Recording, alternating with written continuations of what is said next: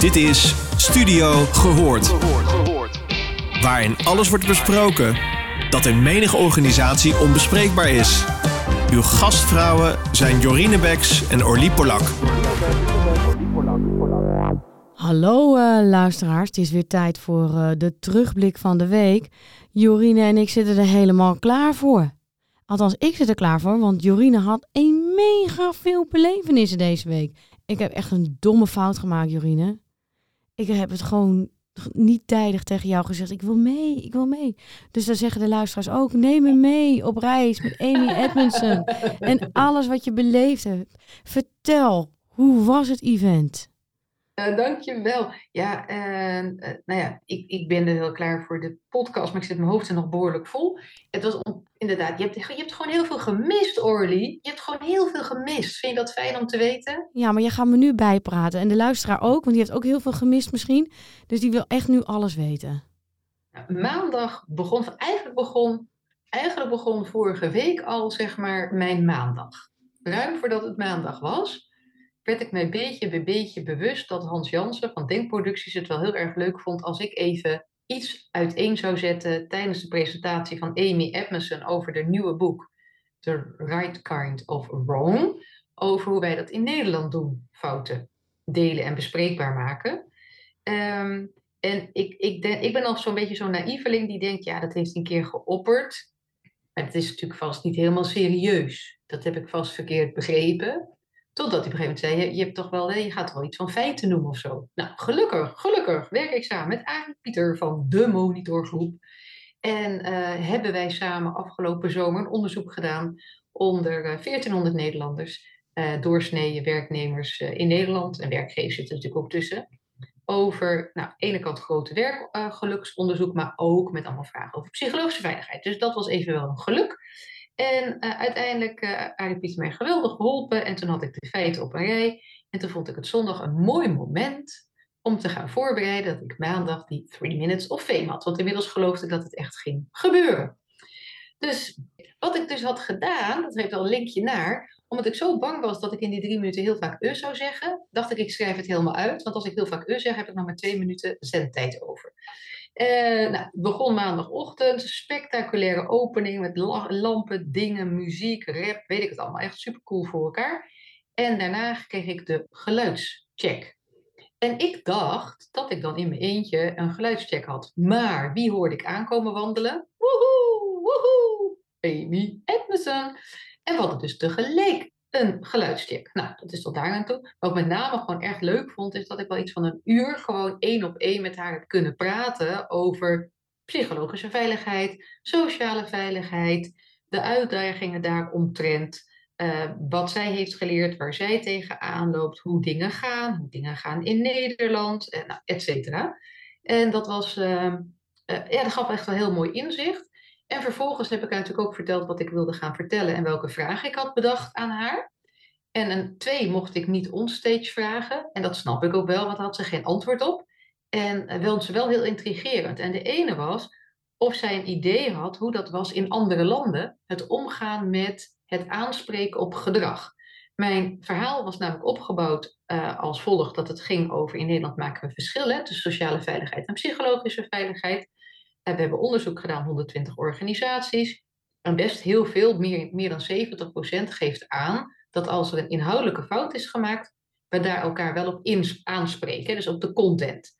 Uh, als het gaat over afspraken maken en die nakomen, uh, wat dus gerelateerd is aan de content, dan durf ik het ook nog wel. Maar als het dan weer verder afzakt en het gaat ook over interpersoonlijke errors, oftewel ja, toch wel wat ongemakkelijk gedrag, hè, ongewenst gedrag, heb ik nog niet over seksueel of grensoverschrijdend hoor. De meeste grootste uh, item was trouwens roddelen ja, dan wordt het helemaal spannend. Dan vinden we het eigenlijk een beetje doodeng om dat bespreekbaar te maken. En ik was benieuwd of ze dat wist, dat was in andere landen, dat wist ze niet.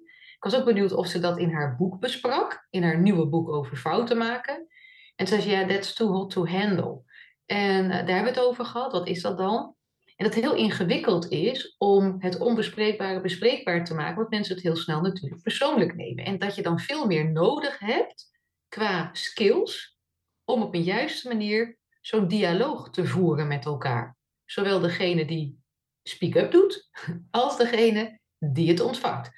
Uh, mijn derde vraag was dan of ze daar nog tips over had. En dat vond ze leuk als ze die ook uh, zou vragen, dus zou stellen.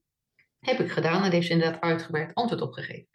En dat vond ik wel heel erg intrigerend, want ik ben ook altijd op zoek, oké, wat is er al wel bekend, wat is er nog niet bekend, waar zit nog een bepaalde gap of waar zou je nog iets kunnen toevoegen en wat is daarvoor nodig? En dan denk ik, ja, weet je, als toch zo'n Harvard-professor, mevrouw, aangeeft dat het dan echt aankomt op het ontwikkelen van skills, dat je dus in verbinding speak-up doet, beide kanten, de manier hoe je het zegt en de manier hoe je het ontvangt, ja, en dat, dat het nog wel uh, heel wezenlijk is. Dat vond ik hartstikke leuk. En was dat ook het inzicht um, waar je net op doelde? Of had ze ook nog iets anders verteld dat je dacht, oh my god, dat ze dat nu weer ontdekt heeft in de nieuwe boek. Dat nemen wij bijvoorbeeld ook mee in de podcast als onderwerp. Nou, wat. Uh, ze is daar zelf ook heel bescheiden in, dat is heel grappig. Wat ze heeft gedaan, ze, ik dat helemaal niet. Zoals ook ooit, hè, dat boek over psychologische veiligheid, de Fearless Organization ja, ze was gevraagd of ze dat wilde schrijven. Ze had helemaal niet het idee dat dat zo'n thema zou zijn. Uh, in haar boek over teaming, die daarvoor was, was het gewoon één paragraaf die erover ging. En toen ze er beter ja, wat meer indook, en vanwege het Google-gebeuren hè, van het Aristoteles-project, werd ze eigenlijk meer erdoor ja, geraakt om er een boek over te schrijven. En toen zei iemand tegen haar: Je moet een boek schrijven over fouten maken. Dacht ze: Ja, boek over fouten maken, hoezo? En toen had ze toch een opzetje gemaakt. Ja, dat was toch wel interessant om daar een boek over te maken. Dus is ze daar dieper ingedoken. En wat ze daarin aangaf, aan de ene kant vind ik het boerlijk gezond boerenverstand. Aan de andere kant is dus dat ook wel wat er gebeurt. Is in hoeverre dek je je risico's af? Of ben je ook eerlijk naar elkaar in het werk? Nou, een voorbeeld daarvan is bijvoorbeeld, er is een leuk idee. En jij vindt het een leuk idee, ik vind het een leuk idee, jij vindt het een leuk idee, iemand anders vindt het een leuk idee, ik vind het een leuk idee. En voor de wet denken we allemaal, wat is een leuk idee? Het is een goed idee. We gaan het doen. En dan ja, we gaan het doen. We worden alleen maar enthousiaster. En vervolgens denk je, maar we moeten het wel eerst even testen. Ja, testen is het beste, gaan we doen. Dus dan doen, hè, zet iets op en zo. En oké, we regelen mensen erbij die willen testen. Jij kent iemand, ik ken iemand, weet je wel, leuk. Oké, gaan testen. Nou, iedereen vond het leuk. Dit gaan we doen. We gaan geld investeren. We zetten de markt op, werkt voor geen meter. En uh, al dat geld uitgegeven. Dus wat ze, wat ze daarin aangeeft is uh, hoe belangrijk het is, hoe je ook fouten kunt voorkomen door in het proces heel eerlijk te zijn. Natuurlijk ook wel de Pixar-casus over dat je eerlijk bent over het product, dat je elkaar daarin ook eerlijk feedback geeft. Dat je denkt, die film, nee, dit wordt niet succesvol, hè? Ja. Maar uiteindelijk, dat, dat, die leek nog een beetje wat verder van mijn bedshow en hij was wel geland. Maar ik denk, het ene voorbeeld wat ik net gaf, dacht ik, oei, die ben ik ook wel eens tegengekomen. Ik weet ook nog goed van een hele grote uh, fast, moving, uh, fast moving consumer goods, FMCG-organisatie. Hele grote, zit in Nederland en onder andere in Engeland. En die deden ook dan testen met producten, voedingsmiddelen. En dan gingen ze testen bij, zo'n, bij de burgers, ergens op een plek staan. Dan konden wij eten als burgers, proeven. En zeiden, nou, lekker, niet lekker, wat moet er anders? En dan gingen ze het stand te peden een beetje aanpassen. En dan gingen ze het weer laten proeven, weer laten proeven. En uiteindelijk waren mensen enthousiast. En dan kwamen ze terug. Ja, het is hartstikke enthousiast. Het is helemaal goed ontvangen. We hebben een 8 gekregen, gemiddeld van 8,5. Dit zetten ze op de markt. Maar dan was het iets heel anders geworden. Dus, en ook voor het maken in het productieproces. Dus dacht ik, oké, dus hoe kun je elkaar eigenlijk de kop gek maken, waardoor je een fout maakt die je had kunnen voorkomen? Ja. En ze maakt dan ook, ja. Een soort groepsblindheid, hè? dat zie je ook. Want ja. die teams gaan cirkelen. En dan op een gegeven moment is er een soort heersende gedachte waar iedereen het unaniem over eens is. Ja. En er komt niks meer tussen. Nee, en dan heeft ze ook hele mooie voorbeelden van hoe je dat kunt doorbreken. Dus dat je juist dan kunt zeggen, in plaats van dat je dan uh, allemaal met elkaar eens bent, dat je dan ervoor zorgt dat mensen gaan nadenken over, maar oké, maar wat, waarom zou ik het er niet mee eens kunnen zijn? En uh, voorbeelden over een meeting en hoe reageer je als leidinggever als hij dan of zij wel de mond, uh, iemand anders de mond opentrekt. Hoe, hoe enthousiast reageer je daarop? En hoe doorbreek je daardoor ook weer dat er meer fouten komen, maar ook dat zeg maar die broodje-aap verhalen blijven bestaan.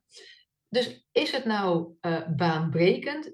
Nou, dat denk ik niet. Maar aan de andere kant geeft het wel ontiegelijk lekkere structuur. Dus je kunt uiteindelijk gaan kijken, oké, wat ga ik doen? Wat is het zeg maar voor opdracht? Zit er een groot risico aan of zit er geen groot risico aan? Is een model daarvoor ook ontwikkeld? En, eh, en wat, waar moet ik rekening mee houden? En hoe groter het risico, hoe kleiner je het moet houden. Er zit ook nog bij dat als je natuurlijk een standaard proces hebt, ja, dan moet je gewoon proberen het zo efficiënt, effectief te maken en te leren van fouten en steeds slimmer te doen. Maar als je iets ergens aan begint waar je gewoon geen idee hebt wat het gaat brengen, dan is fouten maken de enige manier nog om te leren. En hoe zorg je ervoor dat het behapbare fouten blijven? Gaaf. Maar je zat naast nog een idool. Yuval Harari. Oh, ja, die heb ik dus gemist. Echt? Oh, ja, omdat ik met Amy Edmondson on tour was, zeg maar, die hele dag. Ja, ik kon niet nou, ja, vrezen. Ik heb wel het kinderboek gekocht. Ja, ik ook. Die hij heeft geschreven. Heb je die ook? Ja, die heb ik ook. Echt fantastisch. Oké, maar gaaf. Maar is haar boek al beschikbaar? Heb jij hem toevallig al gekregen in pdf? Nee, nee, dat, nee, dat kan dus niet. Dat is zo suf. Hij is pas 23 september. Was ook helemaal chagrijnig, want hij is al lang klaar. Maar dan gaat okay. ook heel die law, het hele gebeuren en de reclame en marketing. Dus dat vond ik ook nog belachelijk.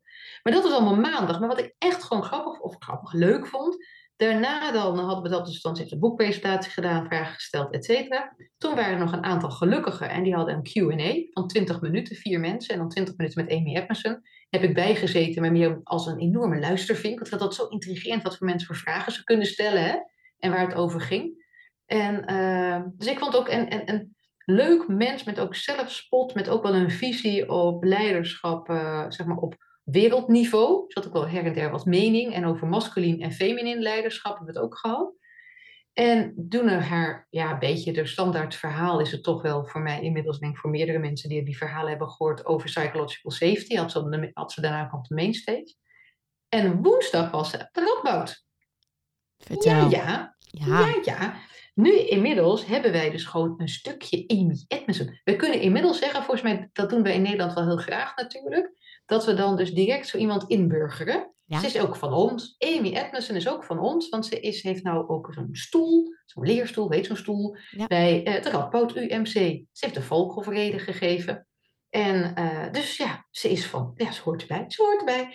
Maar wat ik dan gewoon heel grappig vond, is dat um, ik dacht maandag nog, lief mens, leuk mens, slim mens, aardig, weet je, leuk, ook grappig, humor, positief. Toen reed ik naar huis, dacht ik, ja, nogal wie dus, want ze kan moeilijk natuurlijk heel chagrijnig naar mij doen. Want ja, ik, liep daar met haar mee. Zou niet echt helemaal goed zijn voor de imago, hè, als het qua reclame. En het was het woensdag en ik kwam daar aan en zij stond met wat professoren, die wij ook trouwens hebben geïnterviewd onder andere, uh, wat te praten. En toen dacht ik, ja, wie ben ik? Weet je, ik ben gewoon in de Bergs. Dus ik denk, ja, ga er niet heen lopen en zeggen, hey, Amy, bestie, weet je wel. Dus uh, ik denk, nou, toen keek ze mijn kant uit. Ik denk, nou, ik zwijg gewoon even. Nou, echt, het is een heel iel uh, dametje. Klein en heel fragiel ziet ze eruit. En helemaal de armen wijd, half door de knieën. Yo, you're here again. How are you? Bla, bla, bla. En toen dacht ik, oh, wat grappig. Het was dus inderdaad echt. Het voelde echt, maandag. Maar het was ook wel gewoon echt. En ik had haar uh, het boek De Fieldcard gegeven. En, uh, en toen zei ze, ja, nee, heb ik de fieldcard niet bij me. En je hebt niet gesigneerd. En nou zit hij nog in mijn koffer. Ik vond het zo jammer dat je hem niet had gesigneerd. En ik zo, ja, het was nooit in mijn hoofd opgekomen om een boek voor Amy Edmondson te signeren. Dat, dat, dat, ik vond het echt gewoon heel grappig. En wat ik dan ook heel uh, mooi vond bij, nou, we hadden eerst dan een heel verhaal, college tour, ik helemaal vragen stellen. Uh, ook over toxisch, uh, toxic culturen dan in een organisatie. Hoe doorbreek je dat dan? Nou, ze zegt ze altijd beginnen aan de top, hè, want wat je ziet, dat is gewoon het effect van. Dus dat is uh, wel fijn als ze bepaalde dingen natuurlijk onderstreept. Uh, en daarna had ze de valkoverheden, die heel officieel. En op een gegeven moment waren er ook vragen uit het publiek. En er was een vraag, hoe psychologisch veilig is het op Harvard? Goeie vraag. Hele leuke vraag. Wat denk jij? Ik denk het niet. Ik denk dat ze elleboogjeswerk hebben. Toen kwam er een heel eerlijk verhaal. Het was zo grappig om te zien. Het leek in één keer alsof er in één keer soort oplucht. En ik denk dat ik het ook... Misschien heb ik het al gefilmd. Dus even kijken, want ik heb het stukjes gefilmd. Dat erop staat, kan ik het uh, doorsturen. Dat uh, gaat ze vertellen met behoorlijk wat zelfspot hoe haar carrière is begonnen op Harvard. Dat wist ik helemaal niet. Wist jij dat? Hoe dat nee. is ontstaan? Dat ga nou, jij nu vertellen. Ja, zij was helemaal into. Zij wilde wetenschap, zij wilde onderzoek doen op Harvard. Helemaal de pijlen opgericht. En dan inderdaad over ja, organisatiepsychologie. Was ze helemaal into. En dat is een heel ingewikkelde selectie. En er wordt maar één persoon per jaar aangenomen. Dus zij solliciteren en doen en het allemaal. En helaas, ze was het je niet geworden. Niet geworden. Hoorden ze daarna dat er dat, dat jaar drie mensen wel waren aangenomen. Dus haar ego kreeg een behoorlijke knauw. Weet je, als je de enige bent die niet, maar als je zelfs niet goed genoeg bent ten opzichte van drie, dan vond ze wel een beetje dat was oké. Dus ze liep daar wat rond. En in één keer zag ze dat een totaal andere afdeling met de technische kant, dat die op zoek waren naar een organisatiepsycholoog. Want daar wisten ze helemaal niks, wat, niks van af. Toen dacht ze, nou, ik weet sowieso dan meer dan zij. Dus dat is misschien wel een goede plek voor mij. En uh, dus ze daar naartoe gegaan. Ze zei van, zo, ik heb, ik heb gewoon zo'n geluk gehad. Want ze zei, omdat zij niks wisten van mij en mijn vakgebied. En ik niks wist van hun vakgebied, konden we gewoon enorm eager zijn in het begrijpen van wat die ander had en het serieus nemen. Terwijl als ze was, terecht was gekomen aan die andere kant, dan was de, iedereen bezig geweest met het beter weten dan de ander. Dus ik prijs mezelf gelukkig dat ik niet bij die drie hoorde. Toen het gebeurde niet, maar achteraf wel. En dat de psychologische veiligheid binnen dat team waar zij dan ook in zit, heeft dat, heeft dat, is ook echt heel hoog. Ze zegt maar, ik praat niet over de afdelingen erbuiten. Oeh, interessant. Ja. Dat is echt leuk, ja. ja. Dus dat, ja. En nu merk ik wel, weet je, is het dan... Ehm, wat ik nou leuk vond, ik dacht, oké, ooit, weet je wel, 2019 liep ik toevallig aan tegen dat boek van Amy Edmondson. En daar, daar las ik voor het eerst de term psychologische veiligheid. Toen viel bij mij het kwartje wat ik aan het doen was, waarom dat werkend werd, hè? Uh, al die tijd met zowel op stal als binnen organisaties. Dus voor mij is ze wel daarin heel belangrijk geweest. Maar het grappige is, ik heb helemaal geen groupie-emotie. Ik ben ook nooit ergens extreem fan van, van iemand geweest. Niet een of andere sporter, niet een band, niet mijn moeder, niet mijn vader. Ik ben wel een beetje fan van jou natuurlijk, Orly. Maar die... uh, dus, dus dat zit er dan ook niet achter. Het was meer gewoon de...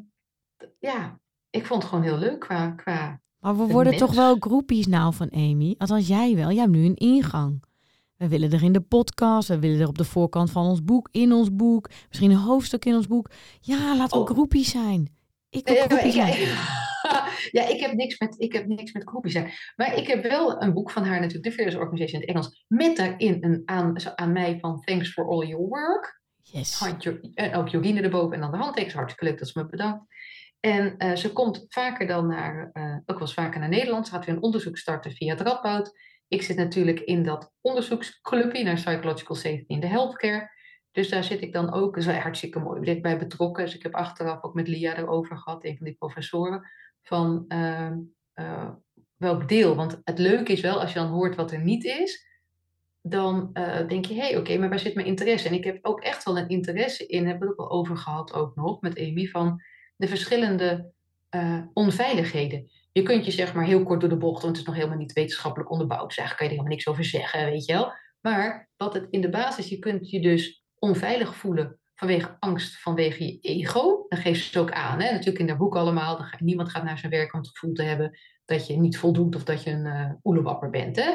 En daarom zeg je niks, want je denkt, dan vinden ze me een oelewapper. Dan zit het meer op ego gestoeld, zeg maar. Dat je, dat je daar dus, ja, dat je het lastig vindt. Dan kun je dus ook onveilig voelen als je met iemand samenwerkt die beter is dan jij, zonder dat diegene jou de put in praat of jou neersabelt. Gewoon dat, dat, dat kan dan ontstaan en daardoor kan je ook bepaald gedrag gaan vertonen om je zeg maar uh, weer beter te voelen. Maar je hebt ook een vorm van onveiligheid en die ontstaat door die ander. En dan dus moedwillig. Dat die ander dus jou ja, voor paal zet of grapjes maakt die niet leuk zijn of nou, enzovoort. Dat is weer een andere vorm van, van veiligheid. En dan heb je natuurlijk ook nog onveiligheid. De onveiligheid die komt uit jezelf. Dat je als het ware bang bent voor je eigen stem. Om die, hè, je mond te openen, dat kan ook nog. En als je dat dan weer combineert met leiderschap, masculien, feminin leiderschap. En dat dan weer combineert met verschillende culturen. Hoe zit dat eigenlijk in Frankrijk, België, Duitsland? Gewoon even binnen Europa, hè, een beetje wat dichter bij huishouden. Ja, dat is ook wel interessant, los van Azië, et cetera. Had zo ook nog wat uh, dingen over. Dus ja, dan ga je zo als filosoferend, kom je dan weer verder in, oké, wat heeft er eigenlijk allemaal invloed en, en hoe zit dat?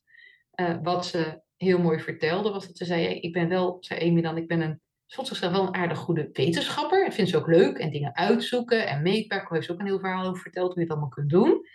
En het was er wel mij een beetje kwijtgeraakt. Ik denk dat jij dat voor jou leuker was geweest, Orly. Maar eh, het vertalen naar concreet, gewoon hands-on, dat vind ik echt, uh, vind ik echt ingewikkeld. Ja, maar dat is het ook wel, want jij noemt nu eigenlijk op heel klein interpersoonlijk niveau de uitdaging in psychologische veiligheid. Dat is ook logisch, want Amy is een psychologe. Ik denk natuurlijk als socioloog meteen aan het team, de manier waarop we het op georganiseerd hebben, hoe dat weer beïnvloedt. Ik denk al die gelaagdheden, die zorgen er inderdaad voor of je wel of niet eigen kan delen. Laten we het even helemaal plat slaan tot alleen maar delen van informatie en ook informatie die eigenlijk niemand wil horen. Met als doel hopen dat je beter performt. Dat, mhm. dat is gewoon nog steeds het doel. Ja, ik heb wel een ontiegelijk leuk idee, want het is een middel inderdaad. Dat is het doel, dat je swingend doelen bereikt. Ja, swingend doelen. Maar ja, nou wat ik dus nou uh, wil gaan doen is, we hebben ons onderzoek uh, onder die 1400 Nederlanders gedaan. Maar het lijkt me nou echt geniaal om gewoon gaandeweg steeds meer info te verzamelen uit verschillende landen. En dan kunnen eens even naar kijken. En dat, wat is, nou, is nou de basic info? En eigenlijk wat je nu weer noemt, is mega interessant. En dat je dan relaties gaat zien. Dus heb ik een mannelijke of vrouwelijke leidinggevende? Wat is mijn, waar zit ik in de organisatie? Nou, et cetera. Uh, nou, een aantal andere zaken. Dat, uh, voor mij is dat reuze leuk. En dat lijkt me nou het mooiste, want dan is de reis ook leuk. Dan is het dus niet alleen leuk wat eruit komt, maar ook terwijl je op reis bent. En je had net ook een heel goed idee in het begin van je gesprek. Eigenlijk een hele mooie interventie. Stel nou dat we zeggen, ehm, er zit in elk team bij een overleg waarbij we het over ideeën hebben en besluiten of we doorgaan met bepaalde ideeën, gaan we één iemand aanstellen en die noemen we de advocate of the devil. Die zet een petje op en die trekt elk goede idee of we noemen de zuurpruim, ook goed. Nee, dat mag weer niet. Dat is negatieve labeling. Dat dus niet. Dat is niet psychologisch veilig. Maar we noemen hem gewoon de advocaat van de duivel. En die gaat alleen maar kritische vragen stellen. En die zegt, ja, maar als ik het nou niet leuk vind, want ik vind het sowieso niet leuk. Of ik vind het geen goed idee, want ik heb een ander idee. Dus dat je iemand bewust de taak geeft om het vast te gaan stimuleren, als teams er nog niet aan gewend zijn. Dat je zegt, joh, wij zijn niet gewend om eigenlijk uh, negatief naar elkaar te zijn over goede ideeën. Want dat is dan het idee, hè? En dan zeggen we, ja, ga jij dat, mag dat gaan doen. En dat je dan zo een beetje oefent. En dat mensen een beetje de henging krijgen van, ja, oké, het is dus oké om af en toe gewoon te zeggen, nu heb ik het positieve petje op, want het is allemaal een goed idee, we gaan mee met de groep. En nu pak ik even een ander petje en dan zeg ik, ik ben de advocaat van de duivel en ik heb eigenlijk gewoon wel een ander idee. misschien moet je het petje gewoon in, op de tafel leggen, Jorine. Zo'n heel mooi gebrand Dat heet dan Studio Gehoord. Denkt anders. Zoiets. het anders denken. Zo denkproductie, maar dan anders. Een co-productie.